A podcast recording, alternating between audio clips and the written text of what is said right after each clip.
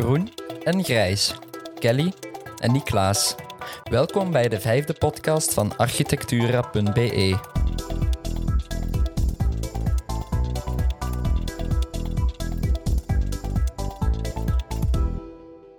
Het is ook meteen de eerste podcast in de reeks Groen en Grijs, waarbij we een jonge, beloftevolle architect samenbrengen met een minder jonge rot in het vak. Kelly Hendricks, die met haar bureau Beeldarchitecten in 2019 de Joker Pij Award won voor beloftevol startend bureau, mag als jongeling de spits afbijten. Wat ik ook heel fijn vond bij de Jo Crepin-prijs, uh, was er uh, ook eindelijk interesse was voor het zakelijk aspect uh, van ons kantoor. Het is een architectenbureau, maar ik vind dat we ook een bedrijf zijn. Kelly treedt in deze groen en grijs in gesprek met Niklaas de Boete.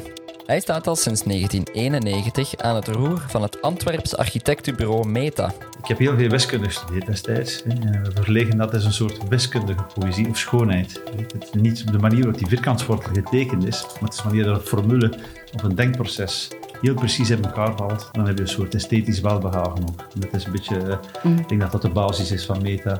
Voor we van wal steken, eerst nog een woord van dank aan onze structurele podcastpartners. Velux, partner in daglichtoplossingen. Cubus, partner in BIM voor Archicad, Solibri en BIM-collab. En Assiver, verzekeringsmakelaar gespecialiseerd in polissen voor architecten en ingenieurs.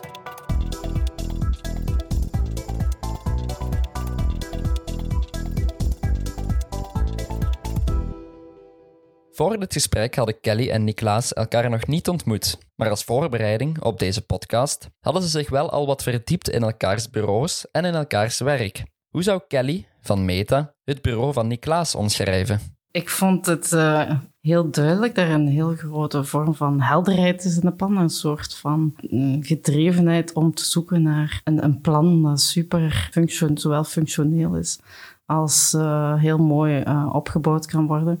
Dus wat ik heel hard apprecieer is hun uh, duidelijkheid van werken. Ze hebben ook hun vak echt enorm goed onder de knie aangezien dat ze echt uh, aan hun traject uh, hebben opgebouwd. Dus je merkt echt de evolutie binnen één uh, vorm van architectuur. Vind ik daar echt zo stap voor stap die projecten evolueren. Dus dat vond ik super interessant om te zien. Vooral de planopbouw is bewonderenswaardig hoe goed alles elkaar. En welke projecten spreek je vooral aan? Van um, dus ik denk wat net heel interessant is, is dat je eigenlijk bij de verschillende appartements, dus woningbouwprojecten en de kantoorprojecten, zit er toch een heel interessante uh, zelfde lijn. Dus ik denk uh, dat in hun oeuvre het niet belangrijk is om één weg naar voren te schuiven. Dus in de appartementsbouw en uh, de kantoorbouw ziet je echt een heel mooie lijn van een structuur. Een plan kan eender wat zijn. En dan vond ik ook het uh, project in uh, Wilrijk, denk ik, het Gouden ja, Gebouw. Ja, vond ik echt uh, super impressionant hoe die vier auditoria in elkaar schuiven. Niklaas nam de complimenten graag in ontvangst. Zelf ziet hij beeld als een type voorbeeld van een nieuwe generatie die er deze jaren in België is opgestaan. Vooral de balans tussen rationaliteit, slimheid en poëzie frappeert hem. Ik stel vast dat er, en jullie behoren daar ook met beeld toe, een, een, nieuwe, jonge generatie aan architecten. Er zit veel talent hier in, in, in, uh, in België. Dus ik dacht, verleek met onze jonge jaren, dat was precies... Uh, ik kent u de, de, de, de, de Belgische popmuziek in de jaren tachtig, met een bepaalde naam, belpop noemde dat. Ja. En er stond altijd zo'n stempel op, Belgisch, maar dat was niet een kwaliteitslabel, dat was zo een soort eerder label van amateurisme architectuur had het ook, en daar zijn we ook vanaf. Hè. Uh, de 21ste eeuw, jullie zijn daar een mooi voorbeeld van. Hm. Uh, en ik moet zeggen, van jullie ook heel veel, uh, een heel, heel mooie balans vind ik tussen, tussen ook rationaliteit, slimheid en dan die poëzie die erin verweven zit, maar die nooit de rationaliteit in de weg loopt. Hè. Dus hm. dat, is, dat is iets wat heel mooi is, wat, je, wat dat eigenlijk architectuur zou moeten zijn. En zijn er bepaalde werken? Ja. Zijn er bepaalde werken van het beeld die u vooral aanspreken? Uh, nee, we kennen het portfolio niet helemaal van buiten. Uh, ik heb gekeken, maar ik heb ook heel slecht geheugen. Ik heb gekeken ten andere nog voor het uh, verlof destijds. Want nu had ik te druk. Maar ik, bepaalde dingen waren mij bekend, maar wist niet meer dat het van nu was. Hè. Er zijn dingen dat je gepubliceerd gezien hebt. En dat je denkt, ah, dat is interessant, dat is de moeite. En opeens begon ik door de website te bekijken zag ik die samenhang tussen al die projecten dat ik al tegengekomen ben. En ik zei, ah, charmant, is goed. Uh, maar het is een beetje hetzelfde. Je kunt, je kunt niet zeggen, één project is... Dat is zoals bij kinderen. Uh, ik heb het al gezegd, hè. je ziet ze allemaal even graag. Hè. Klopt. En zijn er bepaalde parallellen te trekken tussen jullie twee bureaus of tussen jullie persoonlijkheden, denk je? Oh, persoonlijkheden kan ik nog niet zeggen, misschien straks wel. Maar uh, ik denk vooral ook het, uh, het, rationele aspect, zo het streven. Super duidelijk dat jullie naar die uh, compactheid gaan en de rationaliteit van bouwen. Vind ik super boeiend. Jullie willen dat echt goed beheersen. Um, dat is heel duidelijk. En dat wordt niet voor minder gegaan. Dat is, nee, dat is een constante, dat, ja. die pragmatiek. En, en, en dat is, zit al als het DNA van in het begin. Als, als allereerste projectje dat we wat aandacht mee kregen. Dat was, uh, zo ging dat destijds. Dat was, uh, er waren geen wedstrijden, dus je moest iets kunnen realiseren. En dat gaat dat via, via iemand. Uh, dat was een zwart leienhuisje dat we gebouwd hebben van toen 75.000 euro. voor iemand die wou zelf bouwen. en heel rationeel opgebouwd, maar door de, door het te stileren, toch iets in identiteit. Hè, en, en, dus effectief, wij zoeken inderdaad ook een bepaalde schoonheid. En, maar die zit meer ik heb heel veel wiskunde gestudeerd destijds. Hè, en we verlegen dat als een soort wiskundige poëzie of schoonheid. Het is niet de manier waarop die vierkantswortel getekend is, maar het is de manier dat een formule of een denkproces heel precies in elkaar valt. Dan heb je een soort esthetisch welbehagen ook. En dat is een beetje, uh, ik denk dat dat de basis is van meta, als ik het onszelf mag ja, definiëren. Ja, dat voelt je ook echt heel goed, dat vind ik wel. Enkele weken voor de podcast werd opgenomen, werd het nieuwe architectuurboek van het VAI gelanceerd. Zowel beeld was van de partij als ook meta. Maar hoe belangrijk is het nu om als bureau een plaats te krijgen in dat architectuurjaarboek? Ja, we zijn met uh, met die soort van publicaties zijn we natuurlijk uh, super, super blij. Zijn wij een bureau daar over het algemeen uh, ja, echt zo'n soort van artikels en publicaties. We zijn daar echt nog altijd dolgelukkig mee. Met, dus voor ons altijd de eerste keer in het jaarboek, in de A+, eigenlijk toch allemaal belangrijke en kwalitatieve publicaties. dus we zijn nog altijd als een, een klein kind Ik denk dat het ook heel belangrijk is om die te hebben. Hè. We, omdat het een soort credibility geeft en deuren opent voor... Uh, wij doen zeer veel wedstrijden, jullie ook. En de cultuur van de wedstrijden wordt ook een stuk... Uh, de mensen krijgen een zeker aanzien, status en dat, daarvoor zorgt, wordt ervoor gezorgd dat je gemakkelijker geselecteerd wordt. Dat je projectontwikkelaars worden noodgedwongen ook uh, nu en dan gedwongen om in competitie te gaan en zoeken dan ook de betere bureaus. Dus in die publicaties. En dat moet een constante zijn. We dachten nooit dat we ene keer iets... Uh, jullie, besteden, uh, jullie besteden veel aandacht aan, aan communicatie en PR, hè? Sedert uh, ja, een jaar of drie nu hebben we iemand die inderdaad de communicatie verzorgt. Voordien was dat niet, dat was lukraak wanneer dat wat tijd over had, dus de soep en de pataten. En nu hebben we daar maar meer aandacht voor. Ik heb het gevoel, maar dat is heel moeilijk meetbaar, dat dat ook zijn effect heeft. Hè. Ja. Maar dat is heel, je kunt dat niet exact meten. Hè. Wat is het effect van... van mm. uh... Hoe doen jullie dat, Kelly? Uh, hebben jullie ook iemand die zich specifiek met de communicatie en PR bezighoudt? Uh, wij zijn nog een, een kleiner bureau, dus we zijn nu met zeven mensen. Um, dus we zetten nu iedereen in op zijn kwaliteiten. Um, dus er zijn verschillende medewerkers die daar meer mee bezig zijn. Um, maar het zou een illusie zijn om te zeggen dat communicatie en zichtbaarheid niet belangrijk is. Dus je moet echt goed kijken naar de media die belangrijk zijn nu en daar echt op inzetten. Um, het is heel belangrijk om uh, ook op sociale media uh, zichtbaar te zijn. Uh, niet om, om een project per se te willen tonen, maar ook naar toekomstige medewerkers die zoeken uh, de bureaus waar ze willen werken op een heel andere manier van, dan vroeger. Uh, dus ik denk dat we daar echt uh, heel bewust mee moeten omgaan. Zowel Beeld als Meta mogen ook pronken met redelijk wat architectuur-awards. Niklaas beschouwt nog wel steeds zijn allereerste award als zijn belangrijkste. En dat was toen nog de Euro-Belgian Architectural Award. Dus dat, dat ging zelf breder dan België. En dan hebben we dat gewonnen met dat zwart leihuisje we hadden gewonnen, een uh, prestigieuze uh, prijs gewonnen met een projectje van 75.000 euro, die door onze zelfbouwer gezet was. Uh, in de tweede was toen Vincent van Duysen met iets heel anders. zeer verdienstelijk, maar op, was toch appels met peren vergelijken. En dat was toch de eerste keer dat je dacht van, wow, dat, is, dat was toch een heel fijne... En vooral dat die prijs toen een dertigste was van de kostprijs van die woning. En toen had ik gezegd in mijn speech van, als we er nog 29 keer kunnen winnen, dan kan ik ook zoiets bouwen. We hebben niet aan 29 geraakt, maar we hebben er nog enkele keer mogen winnen, dus dat is toch wel een voordeel. Ja, ja. En krijg je daar veel eh, respons op als je zo'n wedstrijd wint? Uh, maar dat is een beetje hetzelfde. hè. Uh, direct meestal niet, indirect wel. Maar toen is er ook iets direct gekomen. We zaten in de jaren 90 met uh, Bakop, die toen ambitieus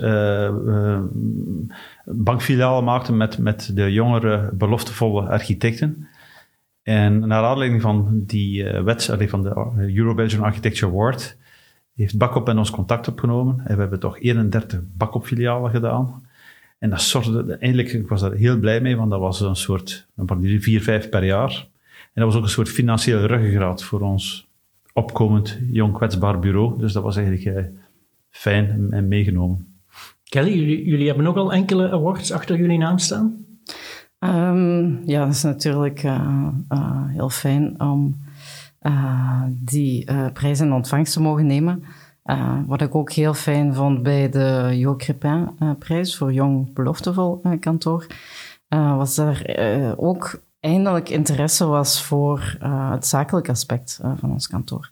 Ik heb in het begin uh, geprobeerd om een structuur, dus ja, het is een architectenbureau, maar ik vind dat we ook een bedrijf zijn. we moeten professioneel werken. Dat wil niet zeggen dat we jong zijn, dat we niet um, professioneel moeten zijn, omdat ik echt geloof in een duidelijke structuur en een, een, goed zakencijfer dat u daar verder kan brengen in het leven. Dus um, ik was blij dat iemand ook um, die aandacht voor die aspecten ook wou aanhoren en daar um, ja, het positieve van inzag. Dus dat was wel verfrissend. Want ik denk heel breed, heel open. Um, en misschien net iets anders dan. we zijn toch net iets anders dan andere structuren, denk ik. Een goed zakencijfer kan u verder brengen in het leven, zegt Kelly Hendricks. In architectenmiddens wordt het soms als taboe aanzien om het over winstcijfers te hebben en verloning. Maar dat vinden zowel Niklaas als Kelly volledig verkeerd. Ik stoor me aan het feit dat het uh, cool uh, zou zijn om uh, medewerkers enorm veel overuren la te laten doen. Alsof het goed is hoeveel er nu verloond kan worden aan medewerkers. Het mag van mijn pak vijf keer zoveel zijn. Dus dat is ook mijn doel op zich. dus het creëren van betere omstandigheden, omdat ik vind dat we ons niet mogen berusten. als mijn medewerkers onmogelijke uren moeten draaien en daar niet goed voor beloond worden, dan heb ik een fout gemaakt. Uh, ik zie het eerder zo. Dus ik vind het echt belangrijk dat we ons daar niet in berusten en uh, dat daar dingen gaan veranderen. Niklaas, worden de architecten wat onderbetaald in het algemeen in Vlaanderen? Ik denk dat er toch al een wijziging is ontstaan. Uh, architecten worden iets beter gewaardeerd. Het is niet altijd noodzakelijk kwaad. En ik treed u bij, want vroeger moesten om eigenlijk uh, als vol architect en kunstenaar hetzelfde, op hun zolderkamer zitten en uh, honger lijden en uh, kou hebben. Dat, en dat wordt pas, vanaf dat je iets wat professioneel wordt, ja, de ziel verkocht aan een duivel. Dus die misvatting, ik denk dat dat ondertussen al een beetje dat romantische idee van je moet een sukkelaar zijn om een echte kunstenaar te zijn, ik denk dat dat wat verdwenen is. En Jo Crepin, om hem ik heb mijn stage dus destijds bij Jo gedaan, was daar een goede voorbeeld van. Jo was een goede manager, uh, die zijn mensen heel correct betaalde op alle vlakken. Hè. Een goed eerloon, uh, altijd op tijd, wat bij niet alle architecten het geval was. Dus hij vond dat ook heel belangrijk dat zijn bureau goed gestroomlijnd was en dat de mensen eigenlijk ook een goed leven uh, kregen. Dus dat was een cruciaal punt van Jo. Verloning blijft bij architectenbureaus altijd een heikel punt. Kelly Hendricks vindt dat er meer transparantie zou mogen over bestaan. En daar gaat ze heel ver in. Bij OMA zag ze dat iedereen volledige inzage had in de cijfers en in de lonen. En die transparantie heeft ze ook doorgetrokken in haar eigen bureau. Ja, ik heb bij OMA heel kort uh, gewerkt, voor alle duidelijkheid. Het was meer een soort van zomerstage, drie maanden. Uh, zolang mijn visa, uh, toeristenvisa het toeliet, eigenlijk. ik heb, ben naar daar kunnen gaan ook na het winnen van de, van de Grote Charlesprijs. Uh, heb ik eigenlijk prijzengeld gehad. En uh, op die manier heb ik uh, eigenlijk dat als project ook gezien. Het was een heel korte periode waar ik enorm veel geleerd heb. En vooral het financiële aspect, dat daar gewoon op tafel werd gegooid tijdens een vergadering. dat vond ik echt ja, uh, dat heeft mijn wereld eigenlijk een beetje uh, veranderd. Ik had tot dan had ik totaal geen zicht op de financiële, dus de cijfers van, van de bureaus waar ik werkte.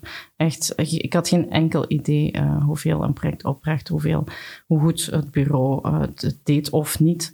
Um, en ik heb dan onmiddellijk beslist van ik ga dat gewoon bijna 100% transparant maken.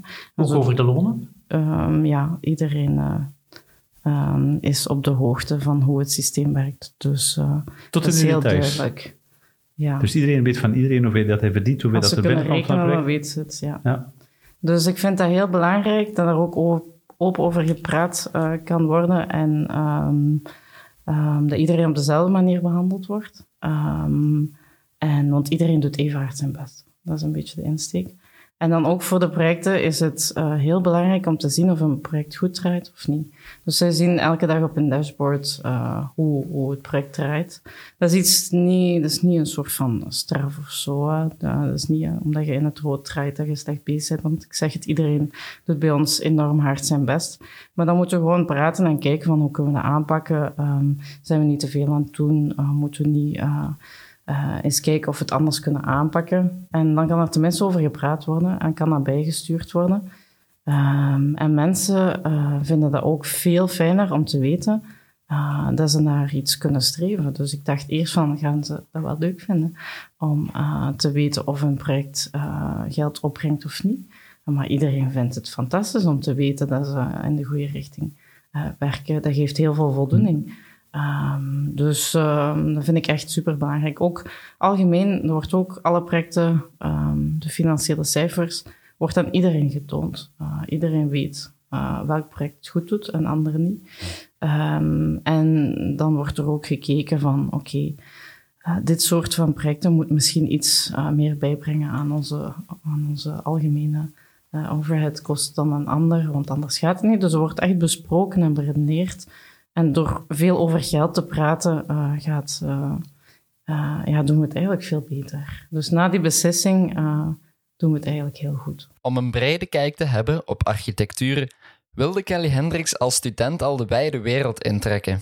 Ze heeft hemel en aarde bewogen, tot ergernis van vele proffen, om een deel van haar studies zowel in Nederland als in Japan te mogen afleggen. Ik heb mijn studies aangevangen in Sint Lucas Gent, maar ik voelde onmiddellijk dat ik daar toch niet op mijn plaats was. Um, geen kritiek uh, op de school, verre van, want uh, dat is zeer uh, degelijk onderwijs.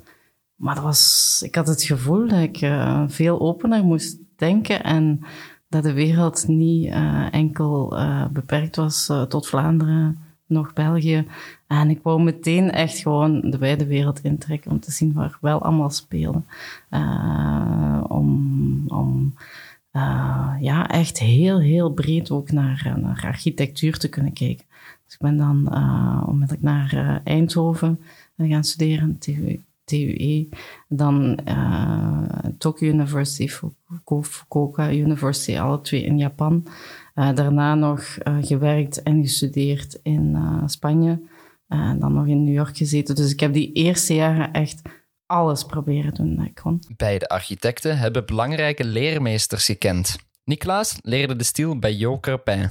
Kelly liep stage bij OMA, 51N4E en Christian Kiekes. Hoe belangrijk was het voor haar om het métier te leren van dergelijke gevestigde waarden? Ja, echt uh, heel belangrijk. Uh, dus ook daar weer had ik een lijstje gemaakt van uh, uh, de drie uh, of vier bureaus waar ik uh, mijn stage wou doen. ik heb dat ook gewoon echt blijven proberen om, om daar binnen te geraken. Dat is uiteindelijk bij alle drie dan gelukt.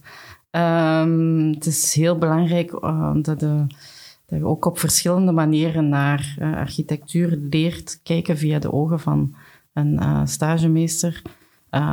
de stagemeesters die ik gehad heb waren heel uh, zeer kritisch. Uh, en dat was enorm uh, leerrijk. Dat was niet gemakkelijk, maar ik heb daar wel enorm veel eh, van geleerd. Ehm, dus ik vind het wel belangrijk. Die eerste jaren word je echt wel gevormd. Ik geloof daar echt in. Dat uw opleiding, uw vormen en ook uw eerste werkjaar, hoe dat je het ook draait of keert, je kunt niks. Dus het is nog altijd studeren en leren. Um, dus het is enorm belangrijk voor je verdere ontwikkeling. en dan nog, je moet blijven leren, je moet blijven kritiek durven verdragen, die ook gaan opzoeken. Ik vind dat heel belangrijk, om echt kritiek durven te gaan opzoeken. De war for talent laat zich ook voelen in de architectenwereld. Toch ervaren Kelly en Niklaas niet direct problemen om mensen te vinden en te houden. Zowel vinden als houden is uh, gelukkig niet, niet moeilijk. Er zijn heel veel mensen die heel lang blijven op kantoor en dat is, um, ja, dat is mooi om te zien. Natuurlijk... Voilà, er is sowieso mensen die komen en gaan, dat is altijd. Uh, maar dat is ook interessant. Mensen die ook nooit ambitie hebben om ergens lang te blijven, dus dat blijft heel boeiend. Maar over het algemeen, om iemand te vinden of, of, de duurtijd dat iemand blijft, hebben we echt geen enkel probleem. Hoe zorgen jullie ervoor dat mensen zo lang mogelijk blijven bij Meta? Wel, dat is geen bewuste strategie. We moeten mensen correct behandelen, correct betalen. Uh, dat denk dat eerlijk gezegd altijd een goede sfeer is op bureau. Uh, daar wordt ook aan gewerkt. In die zin, uh, we eten collectief, we sluiten drie, drie kwartiers middags. Uh, er wordt gepingpongd, we doen uitstapjes samen. verjaardagen worden gevierd en noem maar op. dus in die zin, dat gemeenschapsgevoel is er wel. Hè. Stel oude hippies, zijn wij. Ehm, om mensen, we hebben nu ook het voordeel, er zijn het is, ik moet ook zeggen, mensen vinden is niet moeilijk. Goede mensen vinden is niet moeilijk. Maar mensen met ervaring vinden is moeilijk. Met werfervaring, dat is, dat is een moeilijke. En we hebben het geluk is dat er een hoop van onze mensen al lang bij ons zitten. En die dus, ja, dan hebben je wel die ervaring. Niet door ze gevonden te hebben, want er zijn er veel die begonnen zijn op het moment dat ze pas van school komen. Maar als ze lang genoeg blijven, hebben ze die ervaring. Ehm, en in die zin heb en dat is ook, die zijn die fundamenten, die continuïteit van het bureau. En dan, dan heb je ook die verversing nodig, die vernieuwing. En dat zijn mensen uh, zoals Kelly, zoals ik, die dus uh, verschillende jobs willen doen, verschillende ervaringen, verschillende smaken willen proeven. En die zo ambitieus zijn dat die uh, vroeg of laat, en meestal, meestal vroeg dan laat, ook hun eigen kantoor beginnen. Hè? En dat is ook fijn om te zien. Hè? Je moet je kinderen leren loslaten. En dat je dan ziet dat het goed met hen gaat, dat is, dat is, dat is ook fijn. Misschien een kleine anekdote, als ik nog mag bijvertellen, om terug bij Pijn te komen. Uh, uh, op een bepaald moment hadden wij, werden wij geselecteerd via een longlist uh, voor, het hoofd, voor een kantoor voor Siemens in Huizingen. En ze hadden 20 bureaus geselecteerd, 15 grote gekende namen, hè, genoemd ze, zoals ze wel kennen. En dan hadden ze vijf jongere bureaus, spreek over het jaar 98 of zo. Vijf jongere beloftevolle bureaus. Wij zaten in die, die pool van die vijf jonge belofte. Bon, dat gaat verder, uh, die selectieprocedure. Dat gaat naar vijf. En op een bepaald moment schieten er nog twee over van, van die, uh, die kristallisatie van die twintig. En dat is Joker Pijn en dat is Meta. Bon, professor Standke, dat was toen uh, het hoofd real estate Siemens uit München komt dus speciaal uit München. Hij was dan ex-vernoten van Richard Meyer, uh, professor Standke. En, en nu mag ik dat zeggen, het is lang genoeg geleden. Dan hebben we gelogen en bedrogen. En we waren met zes man. Ik dacht van, goh, wat hij hier komt, gaat hij 10.000 vierkante meter kantoor alweer. Hè, van deze keer voor uh, Siemens. Duitsers die zo ernstig zijn, die gaan daar geen vertrouwen in hebben. We hebben toen gevraagd aan onze IT-specialist vier extra computers en vier figuranten hebben we erin gestoken. we waren met tien, van dat zo'n kritisch minimum. Hè. Dus professor Standeke kwam dus langs en dacht van, oh ja, tien man, bedom, bedom, dat moet lukken, nee. Bon, lang verhaal kort. Uiteindelijk werden, zijn wij geselecteerd en niet Jo Crepin. En Jo was dan heel, heel chic en zegt, kijk, ik haat verliezen. Maar als ik dan echt moet verliezen, liefst van mijn eigen kinderen. Dat is mooi. Ja, ja. Vond ik heel chic. Hè? En wist hij dat je gelogen had? Hè? Wist hij dat je gelogen had? Nee, nee, nee. nee, nee. Ik heb dat nooit meer kunnen vertellen. Oké. Okay. Uh, Kelly, in de standaard lazen dat jullie heel selectief zijn in, in de wedstrijden waar jullie aan meewerken. En, en dat jullie erin slagen om, om uh, 55% uh, te winnen. Uh, en welke wedstrijden doen jullie dan liever niet mee? En hoe slaag je erin om die succesratio op te trekken? Ja, um, ja dat wil ik ook wel eens weten. Ja, uh, we selecteren echt super uh, kritisch. En dat is eigenlijk niet op um, het, het, het, hoe goed een, een, een project of een, een, briefing eruit ziet, maar eerder hoe slecht. Um, dus we gaan echt op zoek naar de projecten waar er heel veel opportuniteit lijkt te zijn. Uh, maar op het eerste zicht misschien niet super aantrekkelijk is. Um, dus in, in die zin werken we vaak ook voor lokale overheden, uh, soms ook in kleinere gemeentes, uh, voor gemeenschapsvoorzieningen, uh, waar dat we volgens mij echt een verschil kunnen maken. En daar gooien we ons dan met de volle 300% op. En dat werkt echt heel goed. Um, dus we trekken onze neus ook niet op voor sommige opdrachten, maar we denken gewoon, hier kunnen we echt een verschil maken.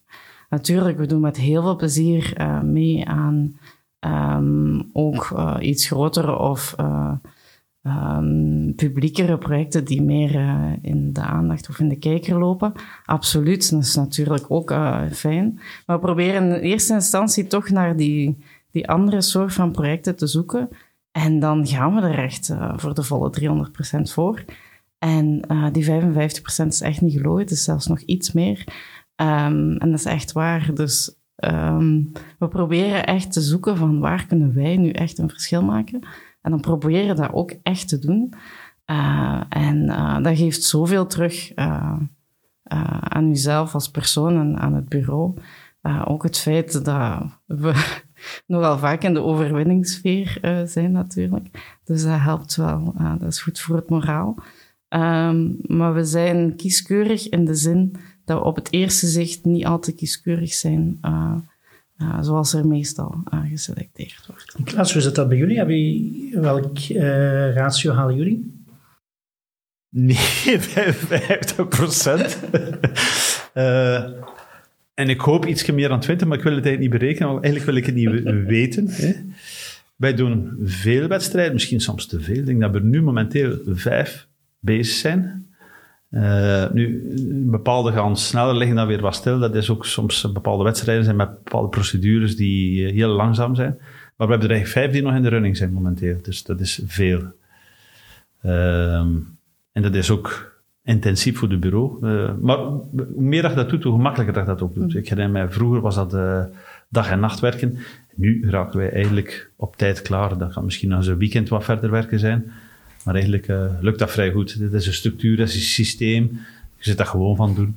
En hoe selecteren jullie de wedstrijden waar jullie al dan niet aan deelnemen? Wel, soms is het noodzakelijk dat je daar referenties hebt. Hè. Dus daar, daar, uh, als je de referenties hebt, zet er graag in. Is het een opdracht dat je graag zou doen, maar dat je niet de referenties van hebt, dan probeer je een partner te zoeken die, die, die complementair is om dat gat dicht te rijden. Wij vinden het ook heel plezant van soms volledig uit onze comfortzone te werken. Uh, met atypische opdrachten, waar we eigenlijk niks van af weten. Net om omdat ik vind dat je dan, dan maakt, houdt u scherp. Hè. Uh, als je altijd hetzelfde doet op een bepaald moment. Dan hadden we met die bakopfiliaal, dat 31 was echt, de inspiratie was op. Hè. Dan kun je op een bepaald moment, het wordt een routine, routine en eigenlijk heb je geen plezier meer aan op het moment dat het routineus wordt. Uh, ondertussen ook liefst iets, maar uiteraard überhaupt alles wat dat betaald is en correct betaald is. Wij doen geen wedstrijden mee die niet betaald zijn. Uh, dat is hetzelfde, om, omdat je, zeker als je veel wedstrijden doet, daar moet een return in, uh, uitkomen, anders wordt dat uh, ja, een broekscheur en dat is niet gezond. en we zoeken dan ook niet altijd, jullie waarschijnlijk nog wat meer, maar wij zoeken ietsje de grotere opdrachten ondertussen, omdat dat ja, met de structuur van het bureau ondertussen iets beter past. Kleine dingen kosten ons een beetje te veel meestal. Als zaakvoerder van een architectenbureau ben je niet alleen creatief bezig, maar ben je ook ondernemer en werkgever. Nog Kelly, nog Niklaas zien het als een probleem dat ze daardoor meer bedrijfsleider geworden zijn dan ontwerper. Ja, ik doe dat super graag, gelukkig. Um, dat is toch wel mijn hoofdbezigheid uh, om het uh, bureau in goede banen te leiden. Maar um, dat doe ik enorm graag. Um, maar het is belangrijk op vlak van ontwerpen. Het is het is niet ik die een potlood vastneem en een schets op papier zet. Nee, ik vind het heel mooi om structuur te bouwen met een bepaalde visie. dus iedereen weet ook waar ik voor sta en waar ik wil dat het bureau voor staat en welke elementen belangrijk zijn.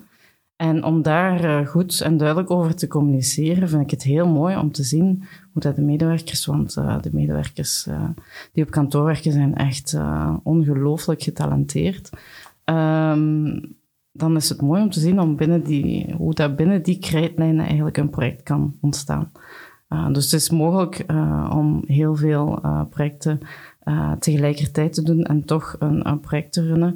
Net omdat de medewerkers eigenlijk uh, zo goed uh, werk leveren op vlak van de projecten zelf. Um, maar er is wel altijd een heel duidelijke visie of doel dat voorop gesteld wordt.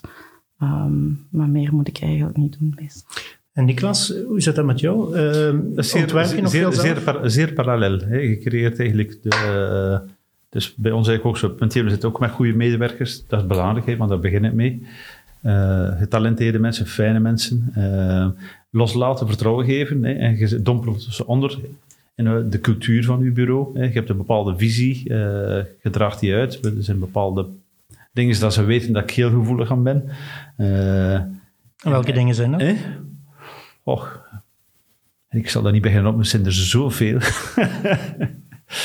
uh, ja, precisie en, en op vele vlakken. Uh, een soort nonchalance, toevalligheden kan het niet verdragen. Alles moet een reden hebben en moet exact zijn. Dat is, dat is misschien wel mijn meest gevoelig punt. Uh, maar, maar, het is fijn van los te laten. En uiteindelijk, ik heb al twaalf jaar geen AutoCAD meer op mijn, op mijn computer. Of vast vijftien jaar, ik weet het niet meer hoe lang dat al is. En, en, je, loopt rond, je zit een soort coach, en je stuurt aan en je zit in dialoog en dat is wat pingpongen. Ik bedoel, bij wijze van spreken, ik zie de tafel hier staan, maar bij wijze van spreken in gedachten wisselen en zo ontstaat iets en uh, dat kristalliseert zich en, en soms moet je terug stappen achteruit, maar dat is... Uh, maar het is niet omdat je het potlood zelf niet vasthoudt of zelf niet tekent, dat je, dat je geen invloed hebt. Hè. Je kunt je bureau perfect uh, aansturen zonder eigenlijk uh, constant met alles moeten bezig te zijn. Ik heb niet het gevoel dat ik de grip kwijt ben. Ze zijn ook niet zo groot natuurlijk. Meta is een van de founding members van Belgian Architects Declare. Streven naar maatschappelijk engagement en duurzaamheid vindt Niklaas belangrijk voor een architectenbureau. Maar anderzijds is hij niet zo'n voorstander van circulair bouwen. Hij beschouwt het als een modieuze saus waar hij niet in gelooft. Punt 1, omdat het uiteraard een essentieel ding is. En, en je weet dat ook, is dat ik er ook over wat duurzaamheid ook een visie over heb die enigszins anders is dan bepaalde thema's die er zijn. Hè.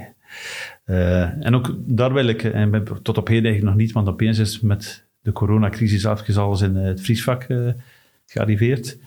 Uh, maar dat staat ook nog met een punt van daar eigenlijk ook eens uh, een manifestje rond te schrijven en ook een, een standpunt te nemen. Omdat er veel dingen volgens mij modieuze saus zijn, dat ik niet in geloof. Uh, dat ik ook wel een antithese opbieden. Maar met dezelfde bezorgdheid, met dezelfde resultaat. Hè. Maar alleen denk ik dat de antwoorden niet altijd even correct zijn. En dan veronderstel ik dat je het hebt over het circulaire bouwen waar je niet echt in gelooft. Nee, nee. En waarom niet? omdat ik geloof dat gebouwen niet gemaakt zijn om, om af te breken. Uh, ik denk dat goede gebouwen vooral uh, dermate ontworpen zijn dat ze zeer, zeer lang kunnen meegaan. Hè. Dat, en ik heb al gezegd, wij geloven in een soort generieke architectuur, geen specifieke. Hè, en, one floor fits all, waarbij dat je zeer goed nadenkt wat een goede structuur is, waar de schachten zitten, alles wat verticale circulatie, dat zijn de constanten. Dus de constanten en de rest is invulling. En de huid zouden kunnen nog overwegen op termijn uh, anders te maken, maar ik geloof ook dat een, een goede huid ook uh, kan, kan blijven. Uh, dus het, alles moeten demonteren is volgens mij niet nodig. maar er, wordt te veel, er worden weer slechte gebouwen gemaakt. En, en, en dat je die moet afbreken natuurlijk, met alle afval dat je hebt. De, de principes die je net aanhaalt zijn de basisprincipes. Dus ik denk het hergebruik van die elementen, um, daar, daar volg ik u volledig. Uh, je moet ook kijken naar het financiële aspect en uh, de budgetten die beschikbaar zijn. Maar aanpasbaar en flexibel bouwen, dat is voor mij een, een basisprincipe. Absoluut. Uh, die uh, bij circulair bouw ook uh, op nummer 1 Ja, maar dus de, balans ligt, de balans ligt ja, de anders. balans ligt anders. maar ik, denk dat we... aanpasbaarheid is super belangrijk en dat is duurzaam. Ja, dat is en dat is heel wat dingen. Dat is... Uh, dat is genereus zijn in plafondhoogtes. Als je die crisishoogtes, dan, dan zit ook beperkt. Het gaat ook over uh, niet alleen het bouwfysische van een gevel, maar het gaat ook vooral over de expressie van de gevel, de ritme van de gevel. De, als er iets te modieus is, is het na tien jaar een, een is hij ridicuul en moet voor die reden afgebroken worden. Dus het zijn allemaal verantwoordelijkheden dat je moet opnemen. En ik ben ervan overtuigd dat je dit echt, echt goed doet, doordacht dat je eigenlijk interieurs veranderen en technieken veranderen. Dus Maar- die moeten circulair zijn. Maar het gebouw aan zich, want de essentie van een gebouw is de huid, is de structuur en alles wat verticale circulatie is. Dit moet con- continu zijn. Maar je maakt misschien precies een, een onderscheid tussen ofwel bouw je stevig en verlang, ofwel bouw je circulair. Maar circulair bouwen houdt toch ook in dat je iets bouwt dat heel lang meegaat. Dus het een staat toch niet in de weg van het ander. Nee, het gaat toch over een ander... eh, eh, het woord massa en circulair gaat al überhaupt niet samen. Hè? Omdat je, als je iets mont- demonteerbaar wilt maken, moet het überhaupt licht zijn. Hè? Ik bedoel, het gaat hier over staalskeletten. Dus de kwaliteit van de massa verliesde al hè, in, in architectuur. Terwijl dat ik een gigantische voorstander is, eh, ben van, van, van massa.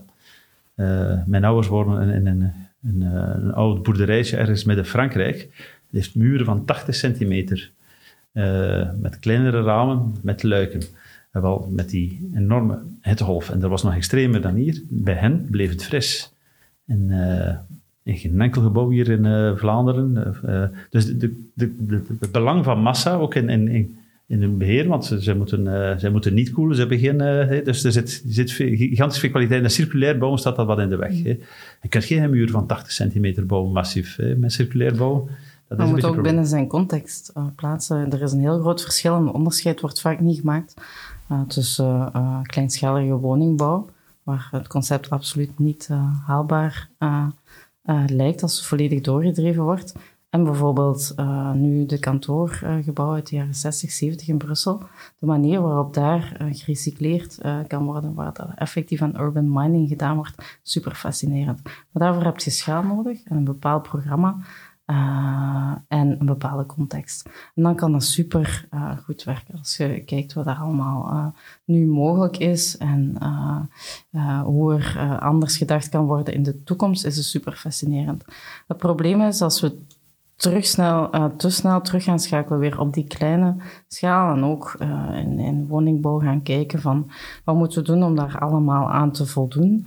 Ehm, dan denk ik dat we weer te veel in detail gaan treden en eigenlijk niet meer over de essentie eh, hebben. Eh, en ik denk eh, vooral het flexibel aanpasbaar maken van, van uw plan is stap één. Of dat nu massief is of niet, dat maakt niet uit als het maar degelijk en herbruikbaar is in de toekomst. Dat is het allerbelangrijkste. En daar heb je heel veel gezond verstand voor nodig om zo'n plan te kunnen eh, maken. Zijn jullie al concreet bezig met circulaire bouwprojecten? Eigenlijk wat we altijd doen in onze projecten, maar echt altijd. eh, ik vind het echt super belangrijk dat onze grondplannen volledig 100% aanpasbaar en flexibel zijn. Ik vind het eh, de normaalste zaak van de wereld dat onze gevels ritmisch zijn opgebouwd met een bepaalde symmetrie, een bepaalde geometrie. Ehm, dat die ook alle binnenwanden niet dragend zijn. Ik vind dat eigenlijk de basis eh, waar we als architect ook eh, aan moeten eh, denken. Dat is ook wat jullie heel mooi doen, vind ik. Ehm, dus die zuiverheid van plannen, die symmetrie, ehm, dat is niet enkel voor het oog, maar dat is echt gebaseerd op, op toekomstgericht bouwen ook. En ik vind, als we daar al aan kunnen voldoen en daar al goede beslissingen maken, dan, dan geraakt je al heel ver. Ehm, of ook het recycleren van materiaal vind ik iets heel boeiend. Opnieuw, daar hebben we schaal nodig. Moeten we groot denken en niet klein. Eh, ik hoop dat we niet te snel weer gaan eh, stranden in eh, het minuscuul oplijsten van alle aanwezige materialen in een gebouw. Ah, daar zijn we niks mee. Ehm, we moeten echt met gezond verstand naar de dingen blijven kijken. Zoals de traditie het wil, eindigen we elke podcast met een inspirerende quote, gekozen door de architecten die we interviewen. Voor Niklaas hebben we bij wijze van uitzondering zelf een quote geselecteerd die van hemzelf komt. Ver hoefden we daar niet voor te zoeken, want op het toilet van architectura.be vind je tussen de quotes van klassiekers ook een quote van Niklaas. Het werd stimulerend blijkbaar voor de stoelgang. Blij dat te horen. Een citaat is: Gebrek aan vrijheid is de legitimatie van de creativiteit. Dat is Leg eens waar, uit. Ja. Eh, ja, ik heb er nog een variant die, eh waar dat mijn zoon mij voor haat. Hè.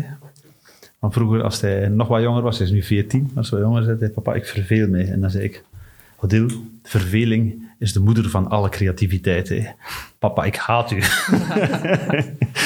Eh, ja, dat klopt. Eh zeg hem nog eens opnieuw, want ik heb er zoveel. Pardon. Gebrek aan vrijheid is de legitimatie van de creativiteit. Dat klopt. Hè. Eh, het is, het is, eh, echt creativiteit staat, ontstaat op het moment dat, er, dat je eigenlijk in een soort schaakpositie zit. Hè. Dat je met je rug tegen de muur zit en dat je denkt en dan een handige move doen. En dat je dan opeens zegt van, tja, dat we daar niet op gedacht hadden. Hè.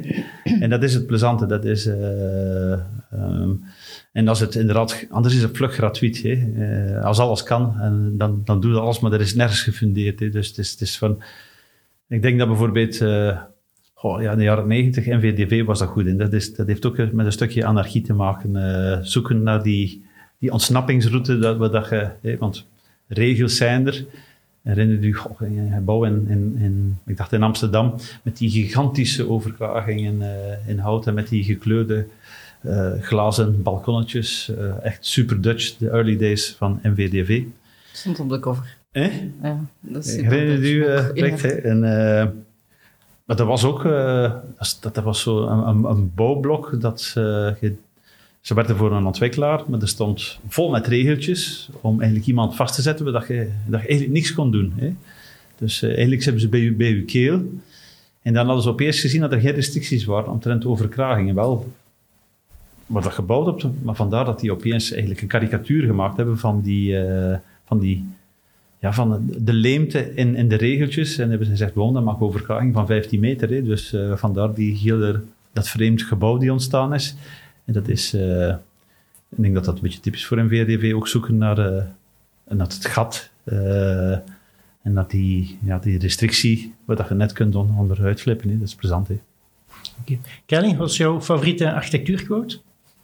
Uh, mijn favoriete quote, ik ga hem voorlezen, is er eentje van Finn Williams van Public Practice. En dat is uh, The extraordinary wealth of design talent we have is invested in too few projects and too few places. Dus dat gaat over uh, architectuur in Londen, in Engeland. Maar dat is hier nog veel meer waar, denk ik. Um, er is er enorm veel talent, enorm veel creativiteit. Um, dat te weinig doorstroomt naar de plaatsen waar het moet zijn. Dus ik denk dat het super belangrijk is dat we echt um, uh, stoppen met onze neus op te trekken voor bepaalde dingen, maar ook werkelijk uh, daarin durven meegaan en echt kijken hoe dat we heel breed uh, op verschillende vlakken, binnen verschillende contexten, alle contexten die we hebben, te werk gaan, te velden trekken en gewoon iets uh, van kwaliteit proberen brengen, heel breed. Als dat geen mooie woorden zijn om deze podcast mee af te sluiten. Heel erg bedankt aan onze twee praatgasten Niklaas de Poete en Kelly Hendricks. Bedankt ook aan alle luisteraars en zeker ook aan onze structurele podcastpartners. Assiver, verzekeringsmakelaren gespecialiseerd in polissen voor architecten. Velux, partner in daglichtoplossingen. En Cubus, partner in BIM voor Archicad, Solibri en BIMCollab. Deze podcast was een realisatie van redactiebureau Palindroom en architectura.be. Het interview werd afgenomen in onze kantoren in Hasselt. Rick Neven nam het interview af, Kevin Moon stond in voor de opname en Stef Pennemans nam de montage en de voice-over fragmenten voor zijn rekening. Binnenkort zijn we er met een nieuwe podcast te beluisteren op architectura.be en de gebruikelijke podcastkanalen. Blijf zeker architectura.be volgen, want daar kan je behalve voor de podcasts ook terecht voor veel boeiende artikels over nieuwe architectuurprojecten, interviews met architecten, opiniestukken en zoveel meer. Zijn design en interieur meer jouw dingen? Stem dan zeker af op insight.be. Wil je meer weten over circulair bouwen? Surf dan naar onze site Circubuild, die volledig gefocust is op circulair bouwen.